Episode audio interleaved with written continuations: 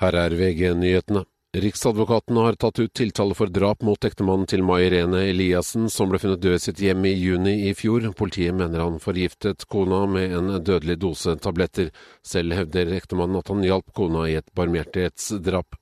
Det tok lang tid før tvillingene Mina og Mille ble kartlagt, og hjelpen de fikk var heller ikke tilpasset deres behov. Det sier statsforvalteren her ved Øystein Breirheim Jacobsen. Selv om tjenestene var enige om at jentene hadde sammensatte vansker og trengte oppfølging fra flere tjenesteområder, hadde barnevernstjenesten, kommunehelsetjenesten og spesialisthelsetjenesten ulike syn på hva som var rett oppfølging og hjelp. Og tvillingene ble funnet døde i en leilighet i Spydeberg, trolig etter heroinoverdoser. Det israelske parlamentet stemte i dag soleklart mot opprettelsen av en egen palestinsk stat, ifølge Reuters. Parlamentet la seg dermed tydelig på linje med regjeringen og statsminister Benjamin Netanyahu.